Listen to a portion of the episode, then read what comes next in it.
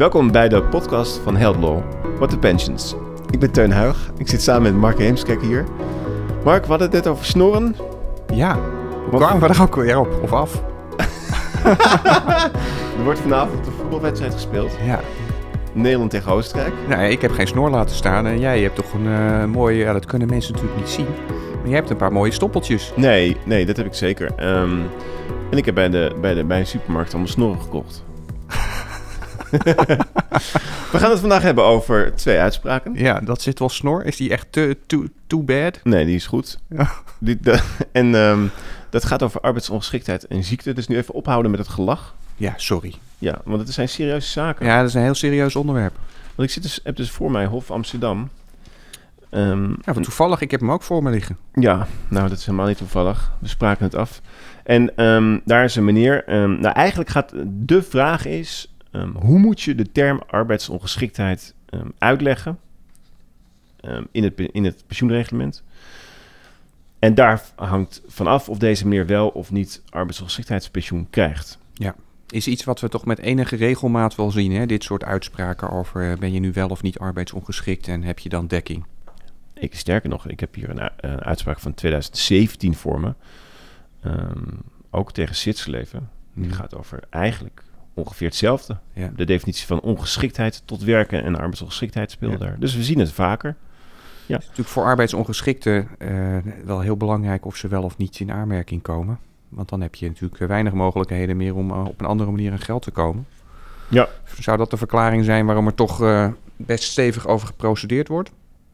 Ja, zeker als het flink mis zit. En het lijkt alsof deze, voor deze man of vrouw dat, dat zo is. Ja. Zal ik even kort uitleggen wat hem overkwam? Ja. Hij is in dienst. 2012 treedt hij uit dienst. Op dat, dat moment formeel nog niet ziek. Ik zeg bewust op dat moment. Later blijkt met terugwerkende kracht dat hij al lang ziek was. Dat weet ze dan nog niet. Um, hij, ik zeg even voor het gemak hij. Ja. Hij heeft dat waarschijnlijk wel uh, door natuurlijk. Want uh, niet lang daarna, een paar maanden later, um, uh, stelt hij vast dat hij ziek is en meldt het bij het UWV. En krijgt oneenigheid met het UWV of dat echt zo is en wat er gaande is. Moet zelfs naar de rechter. Dan ja in relatie uh, van hem tot het UWV. Ja, dus het wettelijk arbeidsongeschiktheidspensioen, hè? Ja. Dat. En um, uh, daar krijgt hij gelijk in 2016, maar dan zijn we dus al vier jaar later. En um, um, op dat moment uh, komt er een beschikking dat, hij, dat zijn eerste ziektedag al in 2012 lag. Ja. Enkele weken voordat zijn dienstverband eindigde. Dus met de kennis van toen, in 2016, moet je vaststellen dat op de dag dat hij uit dienst trad, heel ziek was. Ja. En dat maakt dat hij uh, zich wendt tot uh, Zwitserleven. Want ja, dan denkt hij van, ik wil het ook van Zwitserleven, mijn, mijn arbeidsongeschiktheidspensioen. Uh, Zo is het, ja. En, Gewoon nog een procedure erachteraan dus. Hoppakee. Ja, ja, ik ben volstrekt kwijt wat er, wat, er, wat er met hem aan de hand was. Maar dat is natuurlijk helemaal niet leuk voor dit soort mensen, want die hebben al een probleem. Um, maar goed, um, um, hij zet zijn tanden erin. En dan komt het neer op uh, de uitleg van uh, arbeidsongeschiktheid. En waarom is dat zo? Kijk, eigenlijk, eigenlijk gaat het hier om het uitlooprisico. Um, ja, wat is het uitlooprisico, Teun? Ja, eh, de, de, de rokende huizen, sommigen zeggen brandende huizen, maar um, ben je nou uh, verzekerd uh, voor arbeidsongeschiktheid en heb je recht op arbeidsongeschiktheidspensioen um, als je eerste ziektedag voor het einde van je dienstverband ligt? Kijk, een normale situatie, ben je in dienst, je meldt je ziek, um, de werkgever betaalt het loon gewoon door 104 weken. Ja. Kan langer zijn, kan korter zijn. En daarna um, is het dienstverband er nog en dan uh, betaalt uh, keert de uitvoerder uit. Ja. Fonds. Uh, dat is een normale situatie. Maar hier, dat komt ook vaak voor hè, bij bepaalde tijdcontracten, um, is in die periode van 104 weken de arbeidsovereenkomst geëindigd. Ja. En Zwitserleven die zegt, omdat je op dat moment nog niet die volledige 104 weken doorlopen had, heb je geen dekking meer. Uh, anders gezegd, op het moment um, um, dat je het aanvraagt, moet je nog wel een dienstverband hebben. Juist. En deze meneer zegt, nee, het gaat, je moet kijken naar wanneer mijn eerste uh, ziektedag is. Ja. Want in, dat, in het pensioenreglement staat, um, hij vindt mijn woorden, u bent verzekerd als u uh, werknemer bent, deelnemer. Um, of als uw dienstverband eindigt, uw eerste, uw, uw eerste uh, of uw arbeidsongeschiktheid al was, was, was ingetreden. En uh, daar lag hem dus in van ja, maar wat is arbeidsongeschiktheid? En, en dan gaan we weer uitleggen. Uitleggen, uitleggen, uitleggen. Ik vond het wel leuk, de uitlegnorm. Jij, wat, ja, jij was wat minder Jij enthousiast. bent wel echt super enthousiast. Ja, ja. Hey. Nou, let it shine. Kom maar op. Ik vind het gewoon tof, omdat hier ehm, het standaard riedeltje van de CAO-norm wordt aangehaald. Dat doen, doen, doen wij ook altijd. Hè. Dan heb je Ja. alweer een halve pagina gevuld. Objectieve uitleg. Objectieve uitlegnorm. Je kijkt naar de betekenis van een woord in het normale spraakgebruik. Naar het onderlinge verband. Waar, hoe wordt dat woord elders in het stuk gebruikt? Ja. Uh, of juist niet. Uh, schriftelijke toelichtingen, hoe logisch is je uitleg? En wat zegt het Hof hier ook? Je moet bij het uitleggen van het reglement ook kijken naar hoe de woorden worden gebruikt in de bijbehorende uitvoeringsregelingen. Ja, Dus en de dat- uitvoering dat vind jij met name geloof ik spannend. Ja, nou spannend. Ik vind het gewoon heel goed dat het wordt benoemd. Ik zie, ik zie dat niet vaak uh, terugkomen. Nee, nee. En ik vind in de praktijk van een, van een goede jurist dat je dat ook altijd bij elkaar moet trekken. Weet je, gewoon even maak er gewoon maak al, die, al die stukken bij elkaar. Ja, maar ik weet, wel, ik weet wel waarom jij dit leuk vindt. Ja? Ja, ik zie namelijk Ja? iets voor mij. Ja, ja. Jij zit met je twee schermen. Ja. En dan zit jij eh, al die pdf'jes achter elkaar te plakken met eh 16 verschillende verzekeringsvoorwaarden. Ja, En dan ga jij met ctrl-F, Ja, ga je er doorheen. En dan zie jij in al die verschillende Ja. documentjes, zie, jij, zie jij stukjes en denk je, ja, dat kan ik gebruiken. Ja. Of, Ja. ik hoop niet dat de wederpartij dit heeft gezien. Ja, man. En dat laatste heb ik ook een keer meegemaakt. Maar goed, oké, dat je hebt gelijk, dat is het. En ehm, ik vind het gewoon een schat. ehm, het is een- gewoon, gewoon, gewoon een- je krijgt een schat aan, eh, aan, aan munitie waar je mee kan schieten. of de ander. En, ehm, en dat gaat je ook helpen. Zeker bij verzekeraars. Omdat die hebben zoveel algemene voorwaarden. Voor je het weet heb je 100, 140 pagina's bij elkaar. En de term arbeidsongeschiktheid. Of ongeschiktheid tot werken. Of ziekte. Ja. Ehm, het zijn allemaal termen die ze dan lukraak door al die algemene voorwaarden hanteren. Ze zeggen dat er een samenhang in zit. Maar ik waag het te betwijfelen. Ook over bijvoorbeeld de financiering en de eigen risicodragerschap. Nou ja, ik haal allemaal dingen bij elkaar. Let's, je kan- let's not get carried away. Nee, We ja, waren bij de arbeidsongeschiktheid. Los. Maar, maar, maar dan zie je dus, hè, dus je hebt algemene voorwaarden voor de premievrije voortzetting, voor de, voor de AOP, arbeidsongeschiktheidspensioen, je hebt de algemene algemene voorwaarden. En daar zie je al die woorden weer gedefinieerd, soms allemaal net iets anders. En die kan je gebruiken Ja. voor je uitleg. En dat is wat hier in deze zaak ook gebeurde. Ja, dat gebeurde hier ook. Want hier, hier maar ja, eigenlijk was het hier gewoon voor wat mij betreft vrij simpel. Want ehm, het Hof gaat naar eh, het pensioenreglement en daar wordt de term arbeidsongeschiktheid ook gedefinieerd. Ja. Ehm, veel woorden. In feite gaat het erom of je in staat bent om algemeen geaccepteerde, geaccepteerde arbeid te verrichten. That's it.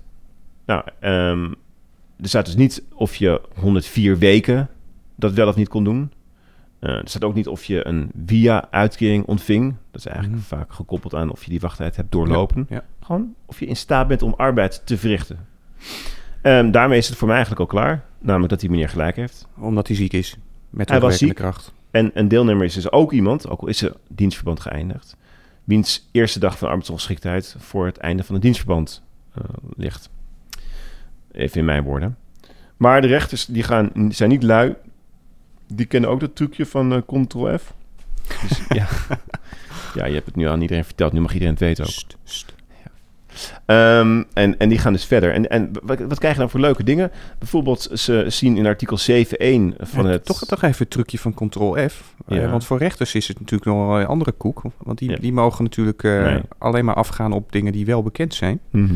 Anders krijg je van die uitspraken zoals de googelende rechter. En dan word je teruggefloten als rechter. Maar dat even geheel terzijde. Ja, ja, ja, ja, ja, ja klopt. En die ehm, zien dus daarin staan ehm, eh, een meldingsplicht. De, de, de, de arbeidsongeschiktheid moet binnen drie maanden na de eerste ziektedag worden gemeld. Ja, dat klopt dus de, de, de uitleg van Sitzleef al niet. Want die zeggen dat die arbeidsongeschiktheid er pas is 104 weken na de eerste ziektedag. Maar je moet binnen drie maanden na die eerste ziektedag je arbeidsongeschiktheid melden. Dat kan niet samen. Is ook lastig als je vier jaar later erachter komt dat je het met terugwerkende kracht toch ja, maar was. dat is iets feitelijks en daar komen we zo op terug. Maar dit gaat over de structuur, het stelsel van, van, van de. Van ja, van je de hebt weer een woorden. structuurdingetje, Teun. Ja, ik word hier neergezet als een soort autistisch zwijn. Maar dat vind ik niet erg. Ehm, en zo is er nog wel meer in, dat, in, dat, in de uitvoeringsregeling Oh, eh, te vinden. Nee, ik ben nog veilig voor mensen. Je, bent, je zit er nog. Hey, laten we eh, overgaan naar het andere verweer. Want ehm, geloof me, er zijn nog meer argumenten gevonden en, ehm, eh, goed bevonden. Maar in de, in de het pensioenregeling stond ook dat ehm, de arbeidsongeschiktheid voor het einde van het dienstverband moest zijn erkend door Zwitserleven. Ja. Ik vind dat sowieso al een vrij ridicule, eenzijdige eh, bepaling. Nou, Ons je Wat? neemt geen blad voor de mond vandaag. Nee, vandaag Trouwens, op andere Nee. dagen ook niet. Nee, nee, nee, nee. Nou, ik heb mijn dagen. Mm, ik heb als een keertje iemand horen zeggen over potestatieve voorwaarden. Weet je over wie ik het heb dan? Ja, nee, eh, ja, heerlijk. Nee, maar weet, even serieus, weet je over wie ik het heb? Nou, ik denk dat je het over mij hebt. Nee. Niet eens? Eh, nee, het is, het is iemand voor wie we allebei gewerkt hebben. Ehm, ik weet niet wat het betekent, dames en heren. Maar ehm, in ieder geval, wat betreft die erkenning, zegt het Hof vrij snel: Weet je, ehm, er staat in het reglement niet eh, wanneer het moet zijn erkend. Niet binnen drie maanden of wat dan ook. Dus het kan alsnog gebeuren. Nou, daarmee is dat punt getackeld. En dan was er nog een punt dat eh, over die melding, wat ik net ook noemde, dan in een ander kader.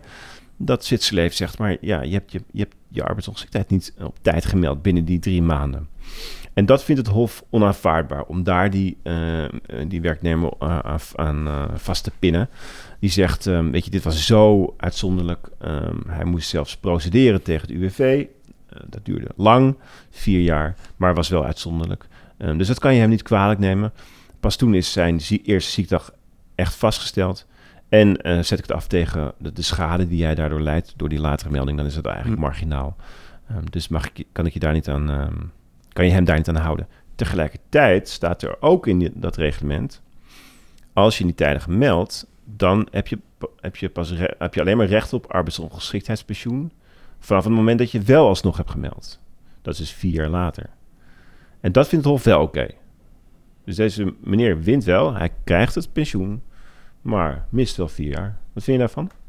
Ik vind dat we het nog even moeten hebben over redelijkheid en billijkheid. Want die worden hier ook uit de kast getrokken Mhm. om dit eh, te motiveren. Ik, ik, kan je daar wat meer over zeggen? Nee. Oké. Nou ja, zo is het. Hè. Dit is de onaanvaardbaarheidsnorm. Gebaseerd op de redelijkheid en billijkheid. Ja. De andere uitspraak, dat is... ehm, Ja, rechtbank Noord-Holland. mhm. Ook eh, een geval van een werknemer die denkt dat hij in aanmerking komt voor een excedentverzekering. Laten we zeggen, eh, gewoon een arbeidsongeschiktheidsverzekering. En in dit geval eh, was deze werknemer,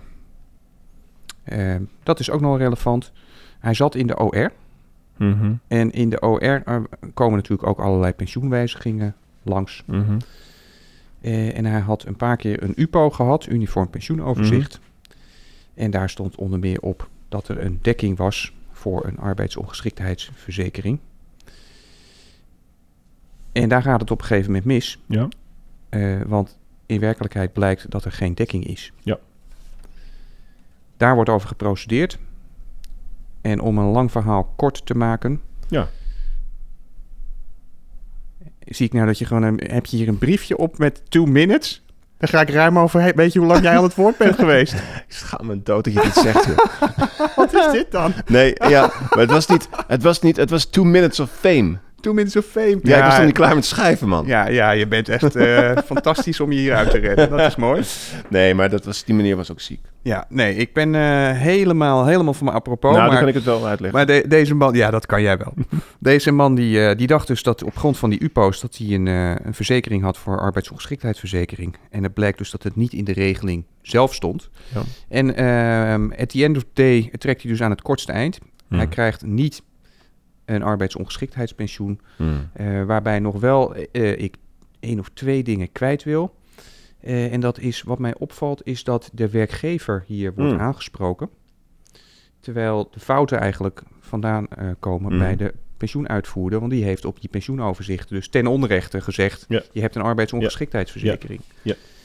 Dus ik denk dan, eh, nou, waarom eigenlijk niet die pensioenuitvoerder in rechten Ja. betrekken? Als je al hier een zaak van gaat maken, dan had het meer voor de hand gelegen om in ieder geval ook die pensioenuitvoerder in het beklaagde bankje te stellen. Merkwaardig, hè? Want als je dat dan chronologisch achter elkaar zet, dan is het, zijn het allemaal stukken vanuit die... Ja, ze noemen het uitvoerder. Volgens mij is het een tussenpersoon, maar...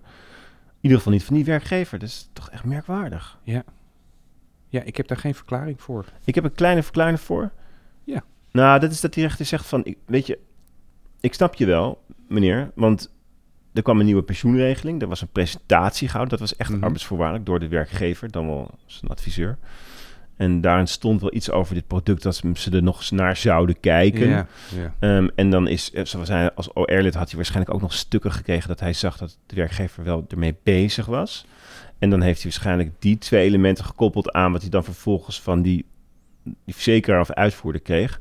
Eh, die bevestigingen, foutieve bevestigingen. Ja. En dat hij toen dat aan elkaar knoopte en, en daarom misschien blindelings of onervarenheid van zijn gemachtigde ehm, gewoon is gaan vuren op, eh, op die werkgever. Maar ja, daar zat natuurlijk niet het echte probleem, want die werkgever heeft gezegd: ik, heb, ik, ik, ik wist helemaal niet ik heb, dat, je die, dat je die stukken hebt gekregen. Ja, ja, die had het ook vrij snel hersteld, geloof ik. Hè, toen hij er eenmaal achter was Mhm. gekomen. Mhm. Eh, en jij was nog wel iets anders opgevallen over goed werkgeverschap. Wilde je daar nog kort iets over kwijt? Nee, eigenlijk niet hoor. Nee, ja, ik vind dat aanmatigend. Dan zeg ik net two minutes of fame en dan ga ik er zelf nog even overheen. Nee, dat ga ik niet doen. Wil je dan tot slot nog de groeten doen aan iemand? Ja, ik wilde goed te doen aan iemand. Ik heb vanmiddag eh, geluncht met iemand. Ik zou hem de goed doen, maar ik mocht zijn naam niet noemen. Dus bij deze, de groeten. Nou, dan doe ik bij deze de groeten aan iemand die eh, mij laatst vroeg eh, van... goh, wanneer komt jullie nieuwe podcast? Dat vond ik zo leuk. Dat is een slecht verhaal. Oké. En dan krijg je dus bij deze de groeten, Geert-Jan. Hoi! Hartstikke idee. Hoi!